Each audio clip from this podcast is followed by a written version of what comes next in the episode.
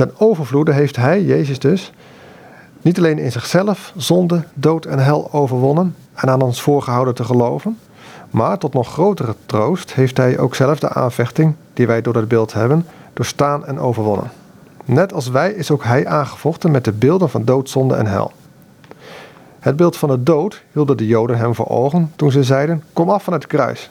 Anderen heeft hij verlost, hij kan zichzelf niet verlossen. Indien hij de koning Israëls is, dat er nu afkomen van het kruis en wij, en wij zullen hem geloven. Alsof zij wilden zeggen: Kijk, daar zie je nu de dood. Nu moet je sterven en er is niets wat er tegen helpt. Zo stelt ook de duivel een stervende mens het beeld van de dood voor ogen en drijft hij met verschrikkelijke beelden de zwakke natuur in het nauw. Daarnaast hielden zij hem het beeld van de zonde voor. Hij heeft anderen gezond gemaakt. Als hij Gods zoon is, laat hem dan van het kruis afkomen enzovoort. Daarmee wilden zij zeggen: zijn werken zijn vals en louter bedrog geweest.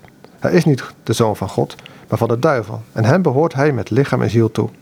Hij heeft nooit iets goeds gedaan, alleen maar kwaad. Vervolgens hielden ze hem ook het beeld van de hel voor ogen toen ze zeiden: Hij vertrouwt op God. Laat ons eens kijken of God hem verlost, omdat hij zegt Gods zoon te zijn. Alsof ze wilden zeggen: Hij hoort in de hel thuis. God heeft hem niet uitverkoren, hij is eeuwig verworpen. Hier helpt geen hoop of vertrouwen mee, hier is alles te vergeefs. Nou, zoals de Joden Christus deze drie beelden door elkaar heen voor de geest liet roepen, zo wordt de mens door deze allemaal tegelijk en dwars door elkaar heen bestormd, zodat hij gek gemaakt wordt en snel begint te twijfelen. Het is zoals de Heer in Lucas 19 de verwoesting van Jeruzalem beschrijft. Haar vijanden omringen de stad met een wal, zodat de inwoners er niet meer uit kunnen. Dat is de dood. Ze drijven hen van alle kanten in het nauw en boezemen hun angst in, zodat zij niet weten waar ze blijven moeten. Dat zijn de zonden. Ten derde slaan ze hen tegen de grond en laten geen enkele steen op de andere. Dat zijn de hel en de vertwijfeling. Wij zien nu dat Christus tegenover alle woorden en gruwelijke beelden het zwijgen ertoe doet.